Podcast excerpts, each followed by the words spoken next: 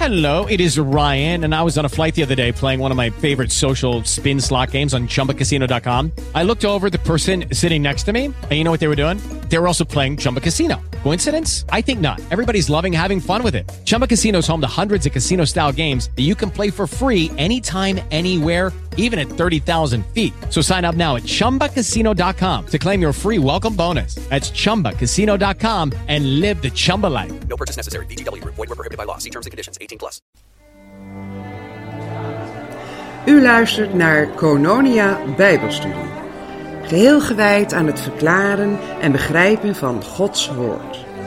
Mijn naam is Henneke en hier is uw leraar Robert Veen.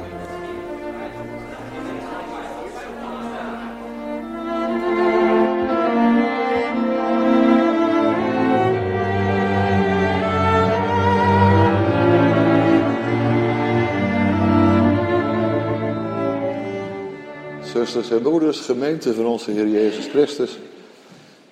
Dit is zo'n eh, tijd van terugblikken. Dat doen we in ons persoonlijk leven, dat doen we misschien als gezin, als familie onderling. Wat is er allemaal met ons gebeurd dit jaar? En als wij het niet doen, doet de televisie het wel. Met het ene jaaroverzicht naar het andere. Het jaaroverzicht voor de rampen, het jaaroverzicht voor de sporttriomfen, het jaaroverzicht van dit en van dat. En zo kijken we maar steeds de andere kant op, alsof we met onze ruggen naar het nieuwe jaar gaan staan. Dus daar lopen we zo naartoe, op deze manier. En nou is het ook heel vaak zo dat dan in de kerkdienst van Oud en Nieuw daarnaar teruggewezen wordt. Dan gaan we terugkijken, het kerkelijk jaar. Eh, dan ga ik u oproepen om terug te kijken naar wat er met uw geloof allemaal gebeurd is. Nou, ik was dat niet van plan. Ik ga u niet terugverwijzen naar het verleden. Dat doen al die programma's al, dat doet u misschien spontaan zelf al. Ik vind zo'n oudejaarsdienst is eigenlijk een perfecte gelegenheid om te zeggen, nou dat hebben we achter de rug, het is weg. En dan zegt u er misschien bij, nou gelukkig dat het voorbij is. Of je zegt van, nou, er waren toch nog wel wat mooie dingen. Maar we gaan een nieuw begin maken. Dat is wat deze dagen ons zeggen, een nieuw begin maken. En dat is eigenlijk voor ons al wat eerder begonnen. Toen we het feest gevierd hebben van de komst van de Heer Jezus in de wereld. Die uiteindelijk deze woorden zal spreken. Zie, ik maak alle dingen nieuw. En zo wordt dit jaar voor ons ook nieuw. Zo wordt er weer een nieuw hoofdstuk opengeslagen van ons leven. Dat vind ik de kracht van oud en nieuw. Oude jaar achter de rug, weg, klaar. Daar gaan wij verder geen uitzending aan wijden, geen programma voor maken. Natuurlijk zijn er lasten die we meedragen. En die gaan vanavond allemaal weg. Hoop ik. Dat u dat allemaal achter u laat en weggooit. Alle gedachten, alle gebeurtenissen, alles wat u hebt meegemaakt, al die suffigheden die we gedaan hebben, al die nare dingen die we hebben meegemaakt, allemaal weg. Er valt toch niks meer aan te veranderen. Het hoort bij de geschiedenis thuis. De Heer heeft dat nou in zijn handen. Die kan de uitkomst en het vervolg daarvan kan u nog leiden en een andere richting geven. Maar u kunt niks meer doen aan wat het afgelopen jaar door u is gedaan of wat er met u is gebeurd. Kunt u niks meer aan doen. En daarom is het zo weinig zinvol om daarover na te denken. Sommige mensen zeggen je moet lessen trekken uit het verleden, alsof wij dat dan kunnen. Alsof we niet de ene fout naar de andere herhalen in ons leven. Is er ooit een fout geweest waarvan u zegt, nou dat was de eerste keer dat ik dat fout deed. Ik heb de rest van mijn leven helemaal goed. Nu ging het de eerste keer fout. Nee, we herhalen onze fouten. Zo zitten we in elkaar. Er zit zo'n zo'n neiging om, hè, laten we zeggen, als voorbeeld hoor, ik bedoel u niet zelf, om onvriendelijke woorden te spreken. Af en toe zo geërgerd uit te halen. En dan komt het uh, tegen oud en nieuw en dan denken we bij onszelf, ik neem mij nou eens voor om dat in het nieuwe jaar nooit meer te doen. Schat u weer zolang u dat redt. Als ik heel somber ben, dan, dan is het vijf over twaalf al vanavond. Hè?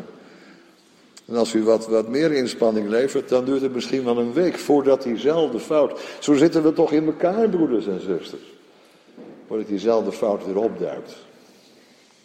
Hebben we weer vergeving nodig. En we dachten juist dat we wel enige tijd zonder konden. Hè? Dat we het een beetje geleerd hadden van het afgelopen jaar. Van die 10 keer, 30 keer, 50 keer dat we dat fout hebben gedaan. Weet u, terugkijken is soms heel weinig zin. Nou, is bijna altijd zinloos. Terugkijken heeft geen zin. Terugkijken geeft schaamrood op de kaken. Terugkijken geeft een verpletterend schuldgevoel. Terugkijken laat ons bezig zijn met dingen die we absoluut niet meer kunnen veranderen. Dus het enige wat dat doet is ons moedeloos maken. Oh ja, daar ging ik weer de mist in, daar gleed ik uit. Of dan waren die anderen, die anderen die waren toch weer zo naar tegen mij bezig. Dat doen ze nou al jaren en, en dit jaar alweer. Daar word je alleen maar extra voorzichtig van. Ga je die mensen misschien vermijden. Als je daar dan de les uit wilt trekken, wat, moet je dan voor les daaruit trekken? Nou, die mensen maar vermijden, want die geven jou zo'n naar gevoel. Terugkijken heeft geen enkele zin, zeg ik dan maar heel hard. Als u doet, als het uw hobby is, wil ik u niet hinderen. Als u vele mooie dingen hebt om aan terug te denken, alsjeblieft doe het wel. Kijk dan wel terug. Geniet dan nog een beetje van na. En van de fouten de tragische gebeurtenissen, om daar naar terug te kijken. Dat maakt ons moedeloos, het maakt ons zwak, het maakt ons klein in eigen ogen. En, en zo moet je eigenlijk niet eens één enkele dag beginnen met terugkijken. En zo moet je ook het nieuwe jaar niet beginnen met terugkijken. Het is een fantasietje van mij, maar probeert u met me mee te komen in dat fantasietje van mij. Stel nou eens voor dat vlak voor Rosh Hashanah, het Joodse nieuwjaar, die brief van Paulus wordt gebracht, de brief aan de Romeinen wordt gebracht in die gemeente van Rome. Is niet gebeurd, maar laten we dat even denken. En stel je nou eens voor dat al die mensen die die brief dan gaan horen, die wordt natuurlijk feestelijk voorgelezen, dat al die mensen net op het punt staan om op hun manier dat oud en nieuw te vieren. Met dat hele tragische gevoel over alles wat misgegaan is en wat beter moet enzovoort. En laten al die mensen nou bij zichzelf de gedachte hebben, zie je wel. We kunnen helemaal niet zeker ervan zijn dat de Heere God ons bewaart en behoudt. Het afgelopen jaar is daar weer het bewijs van. Maar we zijn helemaal geen betere mensen geworden. Dat moet je constateren op de valreep. Zullen zij, valreep. Zullen zij gedacht hebben en denken velen nu ook. Zijn we nou in het afgelopen jaar betere mensen geworden? Hebben we het evangelie nog innerlijker ervaren? Zijn we vriendelijker en zachtmoediger geweest zoals God van ons vraagt? Of hebben we juist op die punten het allemaal weer verkeerd gedaan? Daar zit die gemeente van Rome op Rosh Hashanah, op Joods nieuwjaar of misschien Romeins nieuwjaar dus daar zijn ze mee bezig. Paulus weet dat. Paulus weet dat die mensen zich zorgen maken over de vraag. Het is prachtig dat Christus gekomen is. Het is prachtig dat hij ons die bevrijding en verlossing wilde geven. Maar nou ben ik tot geloof gekomen, ik heb hem aangenomen, ik luister toch elke zondag naar zijn woorden en ik word geen beter mens. Ik merk er niks van. En als dat hun zorg niet is, hebben ze misschien een andere. Ik word er helemaal niet blij van. Ik ervaar dat ook niet als een bron van blijdschap. Dat ik nou vrijmoedig en, en rechtop door het leven kan heen gaan. En dat ik God kan dankbaar zijn voor alles wat me overkomt. Wat heb ik er eigenlijk aan? Om te geloven in deze Jezus als er geen blijdschap kan zijn. En als mijn toekomst onzeker is. En als ik steeds maar weer faal tegenover Gods eisen.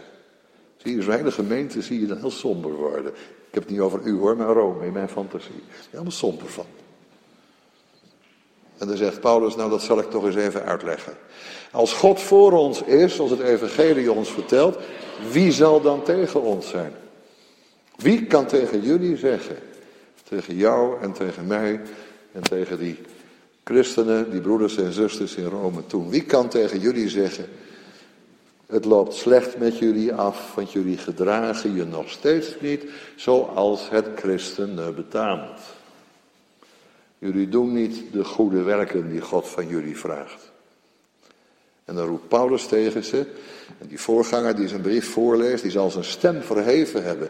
Ja, maar als God voor ons is, Als Hij voor ons gekozen heeft, wetende hoe zwak en kwetsbaar en feilbaar we zijn.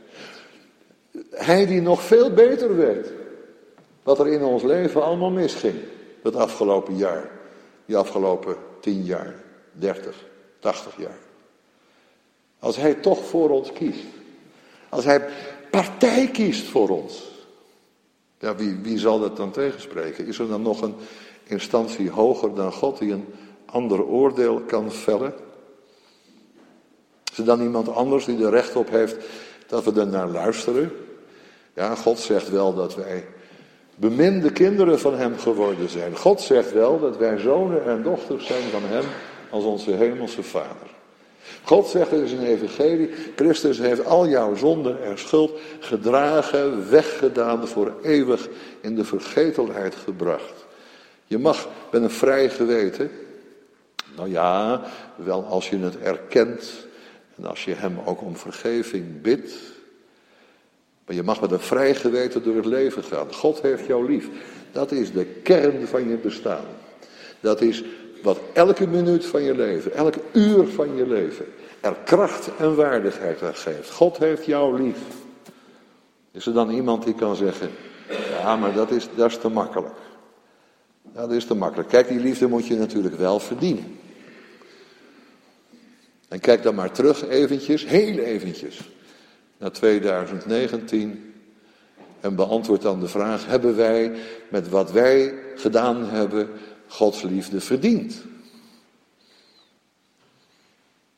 Zelfs als het antwoord ja is, word je er niet blij van, want dan staat ons nog voor 2020 een aardige klus te wachten om dat nog een keer te presteren. Hebben wij Gods liefde verdiend? Paulus zegt, dat kun je niet eens en dat hoef je niet eens. En de poging is zelfs een beetje raar. Het is alsof je als kind leeft met die vader in de hemel. Die vader die zegt, ik heb jou lief en je hoort bij mij. En het is veilig om je heen. Je bent hier in mijn huis. Je bent mijn geliefde kind. En dat jij dan zegt, ja, maar dat, dat weet ik nog niet hoor. Ik denk dat ik wel mijn best zal moeten doen. Voordat die vader mij lief heeft. Waarmee je eigenlijk de liefde van die vader verwerpt en terzijde schuift en onbelangrijk maakt voor je leven. Paulus gaat het uitleggen.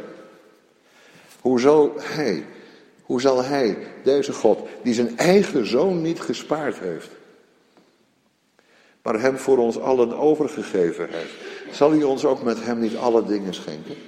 Denk je nou heus dat als God de Vader zijn zoon geeft uit liefde voor jou en voor mij, dat hij je iets zou onthouden van wat je nodig hebt? Dat hij je in onzekerheid wil laten zitten over je toekomst? Dat je hem nu in de hemel jouw goede daden hoort wegen tegenover je slechte daden, om te kijken wat jouw situatie is. Een beetje minder geliefd of helemaal niet meer geliefd of helemaal geen kind meer. Denk je nou heus dat die vader dat doet? Er is niemand die dat kan overnemen. Er is niemand hoger dan God de Vader. Er is niemand die tegen ons kan zeggen: ja, maar eigenlijk deug je niet. Eigenlijk is het niet goed met je. Als de Vader ons aanneemt, als God ons aanneemt in zijn Zoon, is dat het laatste woord. Dat is de rust en de zekerheid en de grondslag van ons leven. Ja, zeggen die Romeinse broeders en zusters van ons, dat is mooi gezegd, dat zal ook wel. God de Vader vergeeft ons en we zijn kinderen van Hem. Je hebt het mooi gezegd, Paulus. Maar kijk eens naar ons leven van alle dag. Waar blijkt dat dan uit dat God ons lief heeft? Hier in Rome worden ze vervolgd. De overheid nu is heel hard en dan weer is wat subtieler. Die wil dat alle christenen een bescheiden leven in de marge hebben eh, niet erg opvallen, misschien niet allerlei banen kunnen krijgen. Ze worden gediscrimineerd. Ze komen niet in aanmerking voor functies aan het keizerlijk hof. Ze mochten in die begintijd niet eens dienen in het leger, want ze waren natuurlijk onbetrouwbaar. Christenen hebben het moeilijk. Er is verdrukking. Er is een kleine ruimte waarin ze getolereerd worden. Ze moeten samenkomen op allerlei schuilplaatsen. En ze moeten zachtjes zingen. Ze leren heel zachtjes zingen. Want als het gehoord wordt en dat wordt aangegeven, is een grote kans dat iedereen voor de leeuwen gegooid wordt, letterlijk. Zo zeggen ze tegen Paulus, er zijn toch allerlei krachten in het leven die ons tegenwerken. De ene tragedie naar de andere maken we Is dat geen bewijs dat we te veel gezondigd hebben, zodat we de liefde van, van God kwijt zijn? Dat is toch zijn manier om ons te straffen als het slecht gaat in het leven. En dan komt Paulus aan het eind met die prachtige woorden. Een opsomming die alles omvat wat er maar te bedenken valt. Als je door de dood iemand kwijtraakt, of zelfs in doodsnood verkeert, moet je dan gaan wanhopen aan Gods liefde? Nee, zegt Paulus.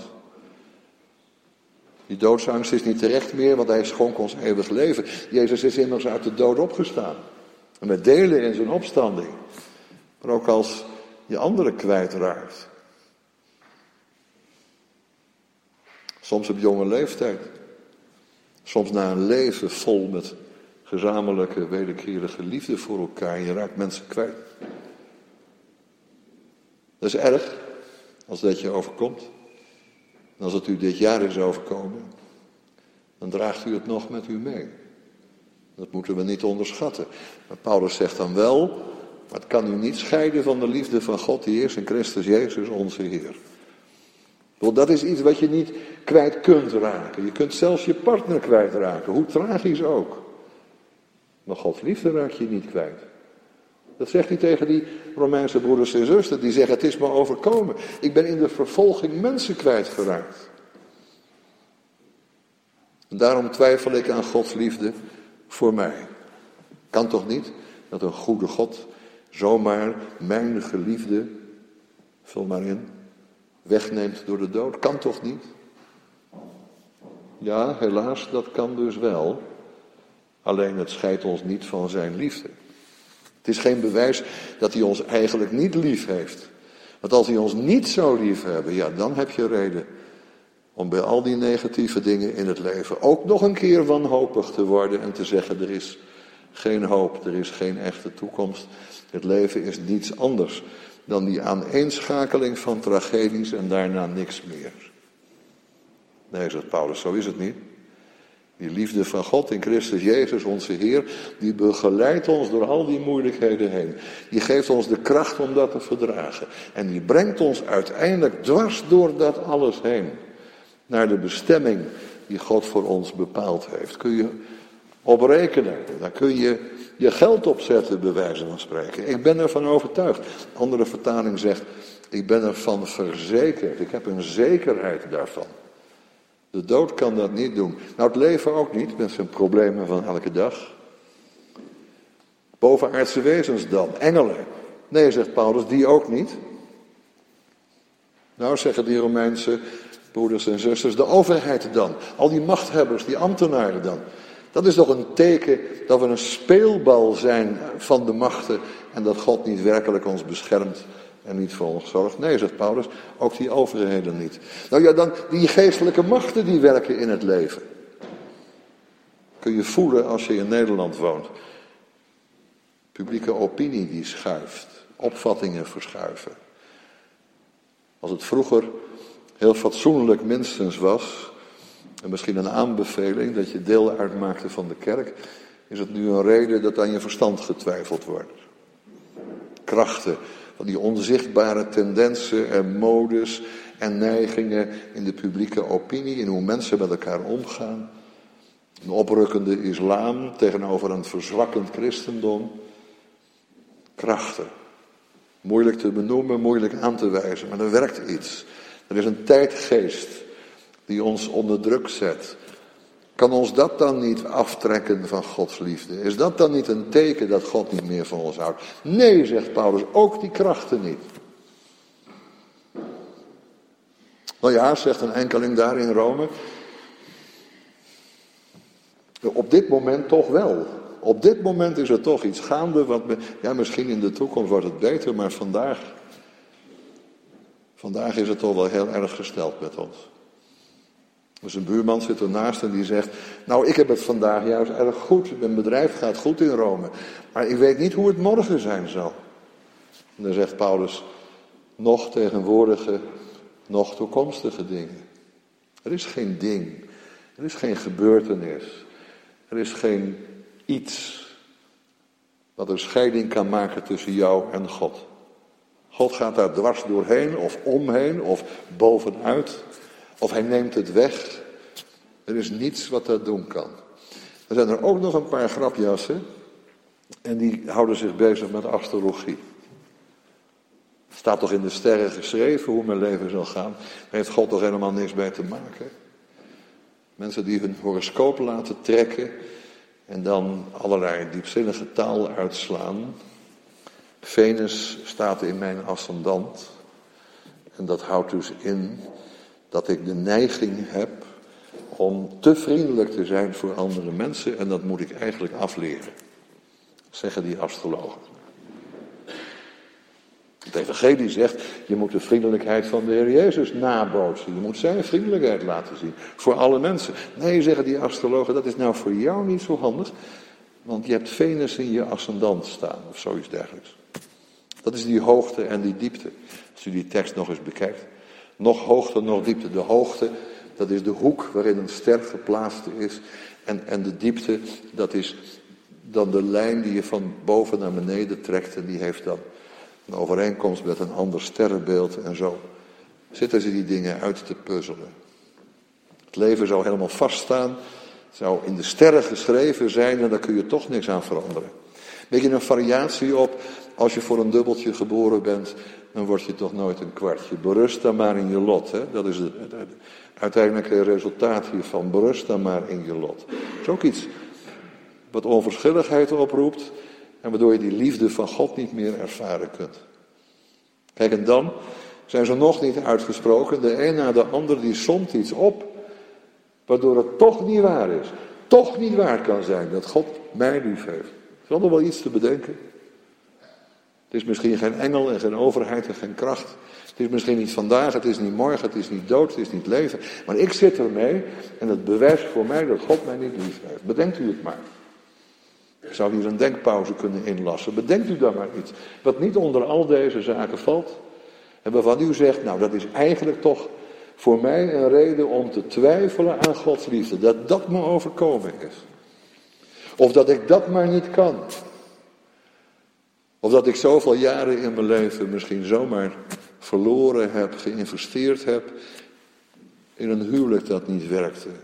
In een baan die op niks uitliep. Dat ik mijn gezondheid op het spel heb gezet voor mijn werkgever. En het is uiteindelijk op teleurstelling. Bedenkt u maar iets. Gewoon de menselijke dingen die ons allen kunnen raken. Nou, dan zegt Paulus aan het eind, als al die Romeinse broeders en zusters uitgeschreeuwd zijn, dan zegt hij, nog enig ander schepsel. Er is niets, er is helemaal niets dat ons zal kunnen scheiden van de liefde van God en Christus Jezus onze Heer. Zusters en broeders, 2019 ligt achter onze rug. Het hoort bij die nog net een paar uur tegenwoordige dingen. Het kan ons niet scheiden van Gods liefde. 2020 komt eraan, dat hoort bij die toekomstige dingen. Er is niets wat dan gebeuren zal, gebeuren kan, met u gebeuren zal. Wat u scheiden kan van de liefde van God in Christus Jezus, onze Heer. Waarom niet? Omdat God ons lief heeft. Dat is onberouwelijk, dat is zijn keuze. Dat is zijn wil, hij heeft ons lief. Dat houdt in dat hij ons naar zich toetrekt, dat hij ons vasthoudt, dat hij onze bestemming al vastziet, dat hij weet wat we nodig hebben en ons dat geeft. En dat hij zelfs in zware omstandigheden ons niet alleen laat. Dat zijn de leermomenten in het leven. Door lijden heen gaan, zodat God jou gebruiken kan om het lijden van een ander te verzachten. God heeft met alles wat je overkomt een bedoeling. Of door lijden heen gaan, zodat je eigenlijk afhankelijker en dichter bij God leert leven. Of in uitstekende omstandigheden verkeren, zodat jij bij machten bent anderen te helpen die het moeilijker hebben dan jij. En zo nog duizenden andere redenen voor elk van de zaken die u meemaakt. heeft God zijn eigen reden. Soms kunnen we die raden en soms hebben we geen idee. Maar in alle omstandigheden is het Gods liefde die het laatste woord spreekt. En die ons naar zich toe wil trekken, die ons wil opvoeden, die ons naar die eindbestemming wil voeren. Die eindbestemming is door de Heer Jezus ooit omschreven als het vaderhuis. In het huis van mijn vader zijn vele woningen, dat is die eindbestemming. De plaats om tot rust te komen, om helemaal tot jezelf te komen. Om te mogen rusten van alle werken die je gedaan hebt of niet gedaan hebt, van alles wat je is overkomen. En hij ging heen om ons daar een plaats te bereiden. En als hij heen gegaan is, zal hij terugkeren om ons bij zich te nemen. En zo zullen we altijd met hem zijn in dat vaderhuis. Kijk, dat is 2020. Of wat later, of misschien nog veel later. Maar dat is de toekomst waarnaar we kijken. Beseft u wel, in 2020 kan hij komen. We hebben het over de wederkomst van Jezus, de terugkeer van Jezus. Hij kan in 2020 komen. Het kan het laatste jaar zijn dat we nog op een aardse manier tellen met elkaar. Het kan het begin zijn van het koninkrijk. Dat kan 1 januari aanbreken, we weten niet wanneer het is. Het is ons niet gegeven de tijden en gelegenheden te kennen die de Vader in zijn eigen macht gesteld heeft. Zo mag je er naar kijken. 2019, gooit me weg. Hoort bij de vuilnisbak van de geschiedenis. Maar 2020 is een spannend jaar. Stel je voor dat hij komt. Stel je voor dat hij opnieuw u bewijst dat hij u lief heeft. Stel je voor dat hij de ongemakken van het afgelopen jaar u doet vergeten. En dat u nieuwe kracht en nieuwe moed krijgt voor alles wat u op deze aarde te doen hebt. Stel je voor. Stel je nou toch eens voor dat hij komt. Vrede en gerechtigheid voor alle mensen. Iedereen tot bloei. Een koninkrijk van liefde en genade in plaats van macht en onrecht. Stel je voor. Het zou mooi zijn als de oudejaarsavond de avond was van de verbeelding. Van de fantasie over dat hij komt. Niet omdat het een fantasie is dat hij komt, maar we weten niet wanneer. Vooruitkijken. Als het ware vooruit hollen naar het moment waarop zijn koninkrijk, zijn tijd aanbreekt. In plaats van aarzelend met de rug naar de toekomst toe. Schichtig terugkijken naar een verleden dat wij niet meer in de hand hebben. Maar laten we kijken naar een toekomst die in Gods handen ligt. De handen van een vader die ons zo lief had dat hij zijn enige geboren zoon voor u en voor mij aan het kruis genageld liet nagelen. Opdat wij nu vrijelijk als zijn kinderen, onbekommerd en vrijmoedig de toekomst tegemoet mogen gaan. We wensen elkaar straks een gelukkig nieuwjaar. Een gezegend nieuwjaar. En dat gezegende nieuwjaar, dat is een jaar met Hem. Hem zij de eer en de heerlijkheid en de kracht tot in eeuwigheid. Amen.